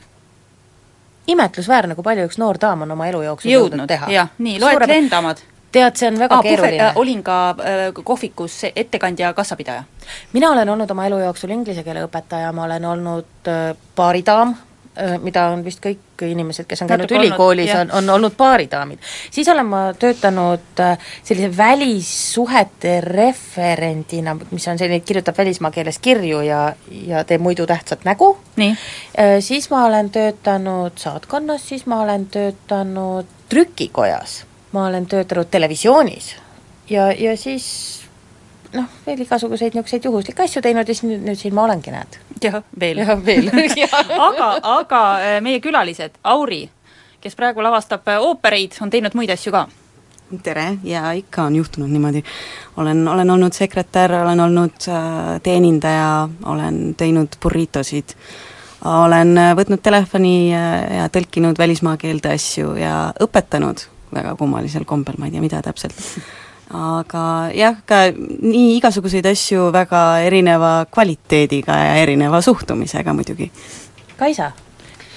kui ma mõtlen, siis enamus minu töid on olnud tegelikult ikkagi teenindavad tööd. et äh, tootnud, tootval tööl ma ei ole olnud. nii ja, ja siis ongi, et olen kõrtsus töötanud, olen kooli puhvetis töötanud, olen äh, haiglas töötanud, toitu jaganud, olen äh, teatris töötanud üksteist aastat erinevatel, paaril erineval ametikohal, olen isegi hotelli retseptsioonis töötanud ja, ja nüüd siis viimased aastad teinud öö, tööd ka klientidega, aga enamasti siis telefoni või e-kirja teel. no mina olen, alustasin ma vastuvõtukomisjoni liikmena, väga uhke nimetus, aga teisisõnu võtsin vastu pabereid, et inimesed saaks tulla ülikooli. Siis ma olen töötanud kõrtsis ja siis väga erinevates kõrtsides. ja olen olnud hotelli hommikusöögis, olen hoidnud lapsi, olen juhatanud stuudiot ja kõige niisugune tüütum vist oli sekretäri kogemus. no jaa, sellest saan ma aru, mis toobki meid selle, selleni, et milline nendest töökohtadest on olnud või kui te mõtlete oma jah, sellise töökogemuse peale, kas on olnud midagi, mille puhul te mõtlesite, issand jumal küll, no see on tõesti õudne, no tuleb teha, minul seesama, eh, nagu ütles eh, Kaire, mina see esimene töökoht, mis mul oli puiduvahendusfirmas sekretär, see oli minu jaoks surmigav. ma pi-, olin päevad läbi üksi, koostasin inglisekeelseid fakse, meil on müüa kiudplaati, laastplaati, vineeri, oksasus, servsus ja mingid sellised jubedad terminid, igav oli. võib-olla mõnda inimest just selline puidutemaatika väga sütitab ja erutab, et et sa, sa lihtsalt ei olnud võib-olla see inimene, et kui olnud. tegemist oleks olnud äh, merisigadega, ma ma oleks olnud tunduvalt rohkem äksi täis, jah, seda küll, see oleks olnud põnevam. aga, aga teil on olnud mõnda nendest ametitest, mida te mõtlete, no ma tõesti lugesin päevi, saaks minema? Minul on äh, selles suhtes huvitav kogemus, et, et äh, ülikooli lõpetades ja niisuguse noore hakkaja inimesena öö, kodulinna tagasi tulles m- la- sattusin natukene endast välja ja siis võtsin praktiliselt esimese tööpakkumise vastu, mis pakuti, ja, ja mõtlesin esimese hooga, et oh, nii tore, on ju, et äh, kunsti, kunstisaalis saan töötada, aga tuli välja, et, et äh, oli ka selline suhteliselt äh, üksluine sekretäri tööd, tegin kohvi, vastasin meilidele, võtsin telefoni ja muud mitte midagi ja, ja valdavas enamuses olin üksinda, sellepärast et osade inimeste meelest on loogiline, et inimesed hakkavad kell kaheksa hommikul äripäeviti kunsti ostma mm, -hmm. mis tegelikult noh, reaalsuses ei ole nii jah, mis tähendab seda, et ma kõlgutasin niisama jalgu. ja, ja, ja see kuidagi ammendas ennast üsna, üsna kiiresti, paari kuuga. et see, see on nagu kõige üksluisem kogemus igavus ongi see, mis teeb töö kõige hullemaks minu meelest. see on jah hirmus, kui üldse pole mitte midagi teha kui sa oled sellises sunnitus, sunnitud öö, olekus, et minu kogemus selline on, Ugala teatri kassas pidin asendama ja kui ikka kedagi ei tule ja siis ei olnud nagu internetis ka veel nagu midagi väga lugeda, Facebooki polnud veel ja ja siis ongi see, et lihtsalt mitte midagi ei toimu ja sa pead seal olema, kusagile minna ei saa ka ja et see on jah hirmus, kui midagi teha pole. vot just äh, sellised ajad, kui ei olnud internetti, tunduvad, et olid, olid töö palju raskem, sest et praegu, kui on tütarlapsed, istuvad kassas või on teenindajad, siis mulle tundub, et neil, neil ei jää nagu selle aja veetmise kõrvalt just aega, et tegeleda oma, oma tööga, et, et sa kogu aeg tunned, et vabandust, vabandust, et ma teid nüüd tülitan. no minu kõige samamoodi see mitte midagi tegemise koht oli kõige tüütum hotelli hommikusöögis. keegi kui... ei söönud või? Ma lihtsalt pidin minema väljaspoole maja, selleks, et värskendada kohvipausi, mis tähendas seda, et ma istusin neli tundi ja siis äh, viisin ära kolm kohvitassi ja panin paar pudelit vett juurde ja siis, kui ma lõpuks ometi majja tagasi jõudsin, siis töökaaslane ütles, et ta pole kunagi näinud nii väsinud inimest. sest ma lihtsalt istusin neli tundi ja kuskile minna ei tohi kas nii on olnud, et töö on pannud teid väga sellisesse väljakutsusse või keerulisse olukorda, et tuleb nüüd see olukord lahendada ja võib-olla te ei olnud selleks valmis? mina raadiosse tulles olin iga päev mures, kui tuli minna uuele pressikonverentsile, olin väga noor inimene ja sa ei saa ju ennast kõikide teemadega kurssi viia, tuleb mingi veepuhastusjaama avamine. ja alguses, kui sa oled ikka kasinasti kakskümmend ja oled selline labiilsema või sellise no ütleme, emotsionaalsema meelega inimene, siis muretsed ennast segaseks, mida ma küsin, ma ei jõua, ma ei saa aru, ma ei saa üldse aru, mida nad avavadki täpselt. lõpuks tekkisid oma sellised standardküsimused, mina soovitasin alati alati, see oli veel enne aeg, kui me Euroopa Liitu ei kuulunud, igal kohal sai küsida, kas siin vastab kõik euronõuetele. see osutus täiesti universaalseks küsimuseks, ükspuha, mis parasjagu toimus, selle küsimusega sa jõudsid alati välja. loomaaed või balletiteater, igal juhul kas siin on kõik euronõuetele vastav? minul on üks väga huvitav kogemus sellest, kuidas mind, mulle ootamatult äh, lükati tõlgina ette. tegemist oli äh, mingi konverentsi avamisega ja öeldi, et oi, meil tõlki ei ole, aga tuli välja, et siin on ka Inglismaa inimesi, ole hea, tõlgi. ja lükati mind ikka täitsa sinna ette lavale, mikrofon pandi ette ja üks meesterahvas asus konverentsi avama. ja ma eelnevalt teda ei teadnud, ma ei teadnud, millest juttu tuleb, nii et ma olin päris niimoodi habisevas seisus seal lava peal seisin. Ja siis see meesterahvas jõuliselt esitas umbes kolm lehekülge Tammsaaret. Hmm, järjest, Joana ikka tõde ja õigust või? ja ma arvan küll, jaa. ja see tuli niimoodi ühtlase joana ja ma lihtsalt seisin seal ja kuna ta ei jäänud ka kordagi vait, siis kadus ka igasugune lootus midagigi tõlkida, ja kui ta oli lõpetanud oma kolm lehekülge, siis ta ütles, noh, tõlgi nüüd. teate, kuidas paus kandis? ma arvan küll. väga hästi, on teil olnud ka selliseid olukordi, kus, kus teid on täiesti vette visatud ja te olete mõelnud, et ma suren kohe ära? aga ei surnud? ei surnud, ellu jäin no otseselt vette visatud ei ole, aga, aga minu töökogemus teatris inspitsendina töötades seitse aastat oli ja noh, vana, noh, vananeva tehnikaga Ugala teatris, millest nüüd ma loodan, kõik läheb neil väga hästi pärast remonti, on ütleme, et noh, iga, enne etendust on see värin sees, et kas mul lava nüüd pöörleb ja ega mul mõni stange alla ei kuku ja ja noh, oligi hetki, kui ja, ja pöördlava ei lähegi ja stseen peab vahetuma, teine stseen peab ette tulema ja lava ei lähegi ja, ja ei lähegi ja siis mõtledki, mis teed, kas nüüd laseks kardina ette, ütleks vabandust, et tehnilistel põhjustel me etenduse katkestame või aga no kuidagi ta siis ikkagi lõpuks läks, aga noh, seda judinat, et mis mhm. me nüüd siis teeme, noh seda ikka, ikka jah, juhtus. no minu meelest kõige niisugune vette viskuvam, noh, eks ma ise viskusin, oli lapsehoidja kogemus välismaal kus äh, isa tegi Prahas äh, doktorikraadi ja ema töötas äh, Soome saatkonnas, perekond rääkis soome ja inglise keelt ja siis sinna ma läksin.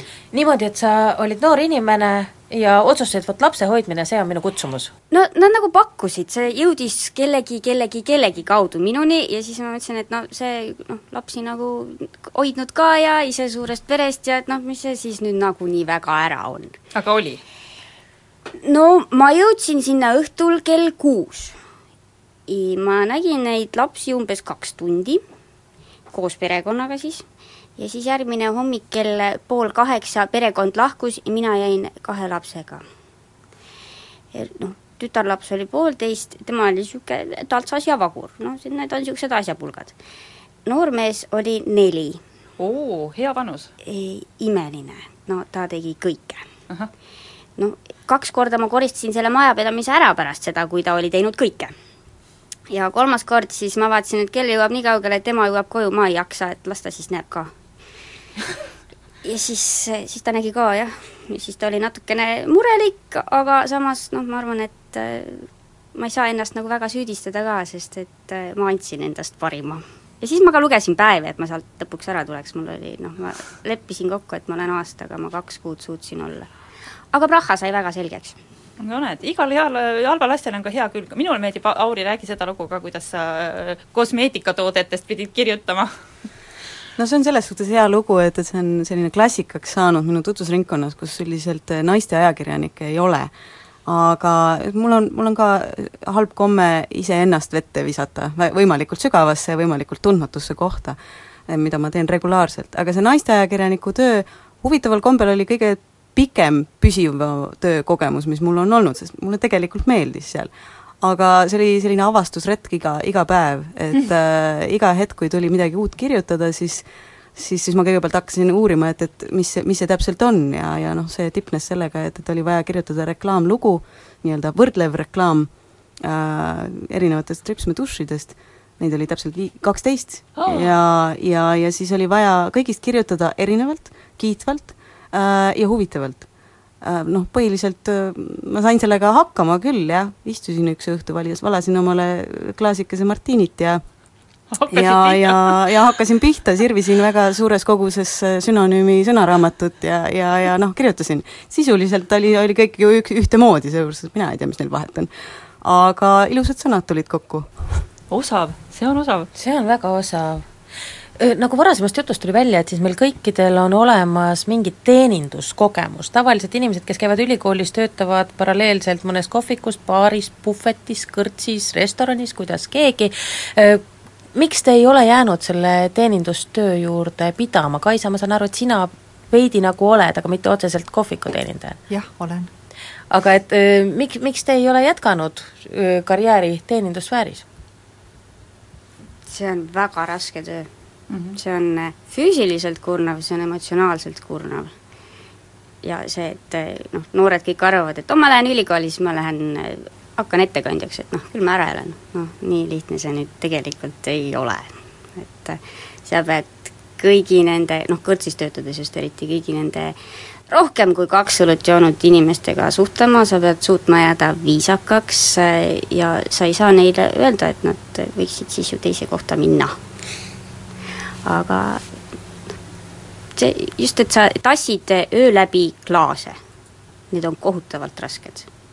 sa, ja, ja siis kõik see suhtumine, et noh, et kuule, tütarlaps, noh, mis sa siin, sa ei taipa ju asjast midagi, et et sa oled ju ainult ettekandja, et noh, siis see, see ongi nagu see, mis no ei tahaks lihtsalt lõputult teha aga see, see on pannud sind ka praegustesse teenindajatesse suurema respektiga suhtuma?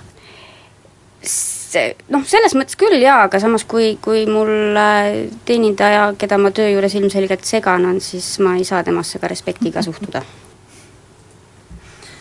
minul õnnestus läbi käia kolm ülikooli, ilma et äh, oleks kordagi teenindajana töötanud ja alles nüüd möödunud aastal äh, täitsa täiskasvanuna äh, sain esimest korda seda, seda ametit kogeda ja ka äh, nõustun Kairega, et, et, et see on üks äärmiselt raske äh, äh, kurnav töö, et, et, et füüsiliselt ja, ja psühholoogiliselt niisugune äh, esitab väljakutseid, et äh, mind vist kõige rohkem šokeeriski see, kuidas, kuidas füüsiliselt see, see noh, niimoodi väsitab ära, et, et äh, jõhkrad kümne-kaheteisttunnised vahetused äh,, pärast on selg väsinud, jalad on ümmargused ja, ja pea on täitsa soe, et, et et, et see niisugune oimetu seisund, millega pärast tööpäeva istuda ja, ja, ja ma ei tea, aknast välja vahtida, et see oli täiesti uskumatu aga samas tõesti kliendina, kui ma lähen nüüd kuhugi, kus ma näen, et teenindaja, ta, ta püüab, ta tunneb oma ametit, ta, ta suhtub väga hästi kõigisse, mitte ainult minusse või mitte ainult nendesse, kes maksavad ja tellivad palju, et siis see on, see on pannud mind, ütleme, jootraha jätma ja, ja ilusti ütlema ja, ja komplimente tegema, et, et see on väga, väga suur asi, kui inimene oskab seda tööd teha me oleme täna rääkinud ka karjääri muutusest, kas te peaksite võimalikuks seda, et te praegu omas eluetapis, omas vanuses veel võiksite midagi muud teha, midagi näiteks hoopis muud või minna ja kandideerida, näiteks Kaisal tegelikult on päris palju selliseid kandideerimiskogemusi, sa oled viimaste paari aasta jooksul ameteid nii-öelda vahetanud ja viimati käisid just suvel veel töövestlusel. aga nii hull siis asi ikkagi ei ole, et kui vaadatakse niimoodi passi ja nelikümmend on ette löönud, et siis teiega pole meil midagi rääkida no mina seda vanust nüüd küll ei peljanud, kui ma suvel kandideerisin, et sai päris mitmesse kohta kandideeritud, mitmesse kohta kutsuti ka välja, muidugi mul ei olnud seda õnneks sellist olukorda, et ma noh, ma ei ütelnud vana töökohta enne üles, kui ma uue leidsin, et, et, et ma ei olnud sellises mm, paanilises ja lootusetus olukorras, et, et ma pean nüüd selle töö leidma. Ja väga meeldivad olid kõik need kogemused, kui ma vestlusel käisin aga oma töökohavahetused, oled sa teinud ikkagi nagu suhteliselt sarnases valdkonnas või oled sa vahetanud ka karjääri viimati niimoodi, et kraanajuhist agronoomiks või et pagarist kirurgiks? No see suurem muudatus ilmselt oligi teatrist äratulekuga, et kui ma viimati teatris töötasin inspitsendina ja siis seoses Tallinnasse ülikooli tulekuga otsisin endale uue töö ja kus sa ikka tööd otsid, ikka siis teenindavas sfääris ja, ja siis siis noh, ütleme kliendiinfo telefonile tööle, et, et paindu, paindlik graafik, et see selles mõttes oli, oli nagu noh, täiesti teise bussi astumine. aga, aga praegune töö eelmise tööga on üpris, üpris sarnane vormilt. Teie ei plaani karjääri vahetada? no minul selles suhtes see karjääri vahetamine käib niimoodi iga poole aasta tagant, et äh, jälle midagi natukene uut ja siis vana juurde tagasi, jälle natuke midagi uut, et, et äh, viimane suvi nüüd sai proovitud seda, kuidas on teatripedagoogist äh, äh, minna suvel burritosid tegema mm. -hmm. et tuli välja küll väga lahe. aga see hirm hakkab lõpuks ära ka kaduma, aga mida rohkem sa oled proovinud ja teinud, ilmselt seda rohkem sa oskad ka uues kohas ennast aidata. ja mõelda, kuidas toime tulla, ke-, kust küsida, kellelt abi otsida, ka seda ju tuleb õppida. jaa, seda küll, et noh, see, see vette hüppamise harjumus võib-olla on, on rohkem, mis tekitab hirmu, et, et nagu come on, püsi nüüd ühe asja juures natukene aega, et ära, ära mine jälle otsima midagi uut. mulle tundub tegelikult, ega meie ühiskonnas, kui sul on see eluloo kirjeldus on selline hüplik ja heitlik, siis sind peetakse ebausaldusväärseks ja peetakse pigem usaldusväärseks inimesi, kes on püsinud ühe ametikoha juures äh, pikka aega. tänapäeval vist äh, päris nii ei saa, sellepärast et äh, elu muutub iga minutiga ja, ja ja muutuvadki need, mis sa tahad teha ja muutuvad su oskused ja muutuvad elunõudmised. just, ja ärme karda siis proovida. aitäh, Kaire, Kaisa ja Auri!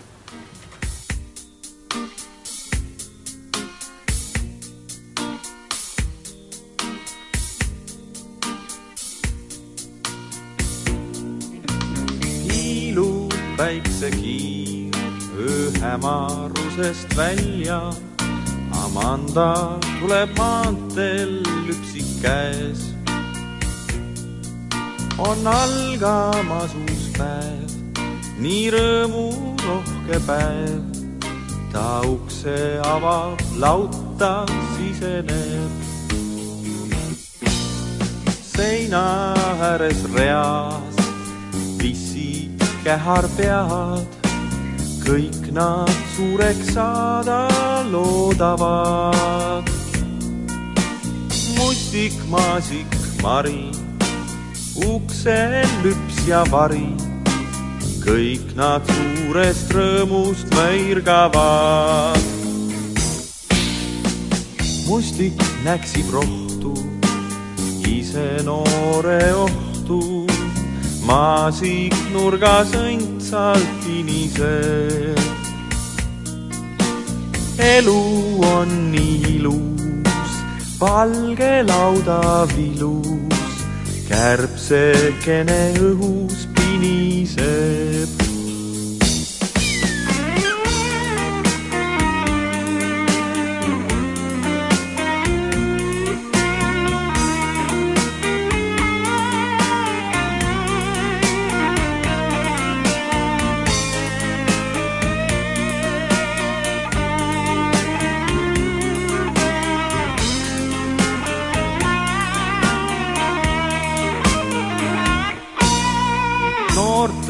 Kõhud täis on silos ristik heina, mis siit peagi silmad sulevad. ees on ajad head, väiksel kehar peal, küll nad peagi kätte jõuavad. vajub päikseketas metsatuka taha. Amanda läheb maanteel lüpsik käes. on lõppenud üks päev, nii rõõmurohke päev. ta suurest rõõmust laulab la la la la. La la la la. pühapäeva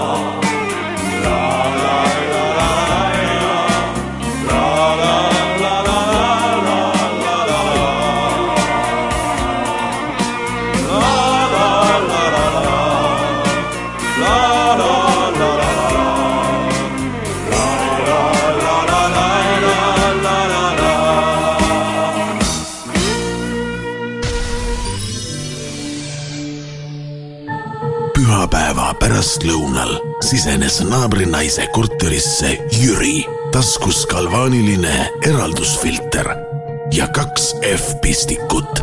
vaid mõni minut hiljem väljus Jüri korterist. ta põsel laiutas õrn huulepulga jälg ja mõni tund hiljem täitis kogu kvartalit naabrinaise telerist kostev meeletu Türgi kiremöll elektroonikakomponendid, seadmed ja tööriistad, mis aitavad inimesi, saad kätte Oomi poest, sest kui mujalt ei leia, siis meilt ikka leiad. oomipood.ee hei sina seal, kas sulle meeldiks ilus naeratus? kas soovid, et hambaravi oleks kiire ja valutu? loomulikult! me kõik teame, et Hansatent viib kokku toredad inimesed ja nende kaunid naeratused. Helista kohe ja uuri, mida Hansatent hambaravil sulle pakkuda on. vaata lisaks hansatent.ee. Hansatent hambaravi litsentsinumber on L null kaks kaheksa null seitse no, kas koolivaheaja suusareis välja vaadatud? ikka, veebilehelt stiilnepuhkus.ee. kas nendel reisidel on lastel oma suusaõpetaja? sageli ja kui kohe broneerid, saad veel Himosele tasuta majutuse ka, seal hea harjutada ja edasi paneme Alpidesse. stiilnepuhkus.ee suusareisid Alpides ja mujal. tähelepanu, tähelepanu, osta nüüd automaat käigukastiga Volkswagen Passat manuaali hinnaga. kiirusta, kampaania lõpeb oktoobri lõpus. Volkswagen sel nädalavahetusel Postimees.ee-s uurime, kui sujuvalt läheb praamiliikluse üleandmine Väinamere liinidelt TS Laevadele. hoiame pilku peal poliitikute meeleoludel enne presidendivalimisi Riigikogus. jälgime, kuidas läheb Ott Tänakul Korsika rallil. vaata ja loe Postimees.ee Kuku raadio eetris teisipäeval. Tallinna Filharmoonia esitleb Filharmooniline huvitaja teisipäeval kell kuusteist nelikümmend viis. Alexela esitleb Tallinn International Horseshow seitsmendast üheksanda oktoobrini Saku Suurhallis. kolm päeva tippsporti ja kaasahaarav show-programm. piletid Piletilevist, lisainfo tallinnhorseshow.ee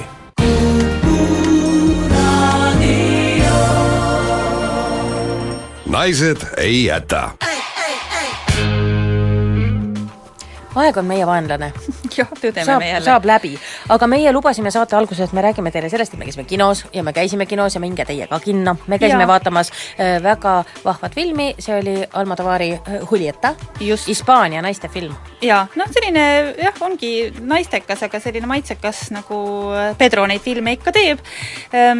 ja, ja, ja noh, minule meeldis see film juba sellepärast, et ma armastan väga Hispaaniat ja sellisel kõledal äh, septembripäeval, kui me käisime, oli väga mõnus vaadata neid selliseid kahel, kahelkividest maju ja, ja neid mõnusaid mosaiiktänavaid ja ja siis seda lillat lille, mis kasvab neil igal pool ja ronib alla.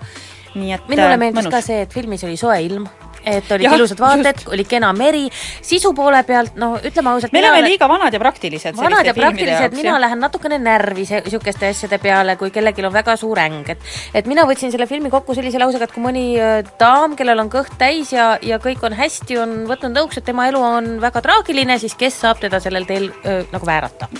Kui ta on ikka nõuks võtnud, siis, siis on traagiline. no seal juhtus paar traagilist asja ka, ega nad nüüd tühjast tüli ei teinud. aga kinno võib minna ja no täna on ju muusikapäev, mis tähendab seda, et äh, üritusi on igal pool nagu muda, on rongides, nagu äh, Marit juba Jaa. on maininud, aga jah, tõepoolest, nagu ma ka ise ütlesin, et Aivar Sõerd annab oreli kontserdi, nii et äh, kes tahab näha, kuidas poliitik orelit mängib, kell neliteist kolmkümmend Tallinnas Jaani kirikus, aga kontserte on sada viiskümmend tasuta lühikontserdit üle Eesti, nii et ainult otsige Äh, minule meeldis väga selline uudis, et Tallinn hakkab osalema kosmoseprogrammis. nüüd saame ometi jala sinna ukse vahele Jah, ka, meil sest- on vaja mõelda, mis me nüüd laupäeviti tegema hakkame, eks mis me ole. hakkame laupäeviti Me hakkame tegema? kosmoseprogrammis ja osalema. meil on mitu, mitu pooleliolevat sellist äh, teadusprojekti, näiteks me ei ole otsustanud, mis me teeme enda äädikakärbestega, mis äh, ajasid meile natukene nagu pada, aga natuke oli neil õigus ka, kui me korraldasime äädikakärbeste toel najal seda presidendivalimisi ja, ja nemad et- arvasid, et Siim Kallas võidab, noh, neil oli peaaegu õigus, sest ta sai päris palju hääli. Tead, asi läks ka nii segaseks, et ükski normaalne eluterve äädikakärbes ei suuda sellist olukorda välja mõelda, no meil on parlament omadega umbe jooksnud, eks ole, noh nüüd annaks jumal, et asi laheneb, aga, aga noh, kärbes, see oligi raske, see oli raske ülesanne. aga kui Tallinn hakkab osalema kosmoseprogrammis, siis me saaksime saata oma kärbsed Jah, orbiidile. orbiidile, just. ja teisalt on, on mul ka veel see plaan, et, et kasvatada orbiidil paprikat ja nisu. Jah, teha uus Priit Poki nimeline katseaed kosmosesse, Orbiidile. orbiidile. ja siis ja... meil on jälle tükk aega, on käed-jalad palju oleks teha, palju oleks teha, no muidugi nüüdsest on ju lahti ERM, kõik võivad minna. minu meelest kõik kultuursed inimesed on juba ERM-is ära käinud. käinud. Meie ei ole. meie ei ole. täna ka ei jõua kuidagimoodi. Lähme pärastpoole. pärast lähme, jah, jah, siis kui käime ERM-il. käime ERM-il. kuidas ERM käändub? ERM, ERMi, ERMi, Ermu. ERM, ERMu, mina tahaks käänata ERMu. ERMu, käime ERMus. käime ERMus. jah. Ja igasugu muid asju võib veel teha, Männikul on elamussõitude sari, jätkub seal unikaalse öösõiduga, huvitav, mis see lahti Nad läheb sõidavad siis? öösel siis? sõidavad öösel ja see on mõeldud mägiratturite ja fatbike'ide omanikele. kas fatbike on see, mis on nagu ratas on läinud paksuks või Jah. on tema omanik läinud paksuks? Mõlemad võivad olla tibake suuremad. kas on fat bike, siis on ratas, on üle, üle söönud ja siis, kui on fat biker, siis tea, on see sõitja on. igatahes nad sõidavad seal Männiku metsas, nii et olge öösel ettevaatlikud, kui te lähete öösel romantiliselt sinna kõndima, siis võivad tulla teile fat bikerid vastu, mitte segi ajada neid beatboxeritega. just, beatboxi meie hakkame harjutama, meil on noot, nii et eh, kui me saame midagi valmis, me paneme üles ka video, veel kord kutsun teid liituma Naised ei jäta Facebooki lehega, sellepärast et varsti on see koht, kus meid koos näeb suhteliselt ainuke. mina arvasin, et sul on hirm, et varsti on internet täis ja ei mahu. noh, see hirm jääb alati. aga jah, kohe saab läbi Naised ei jäta eel-eelviimane saade, me kohtume teiega, head kuulajad, veel järgmisel nädalal ja ülejärgmisel nädalal, kui me oleme plaaninud eh, saadet lõpetada suure pauguga ehk teha viiekümnendale saatele pühendatud suure kontsertaktuse. ilusat nädalavahetust teile, armsad sõbrad! jah, ilusat nädalavahetust, kohtume järgmisel nädalal.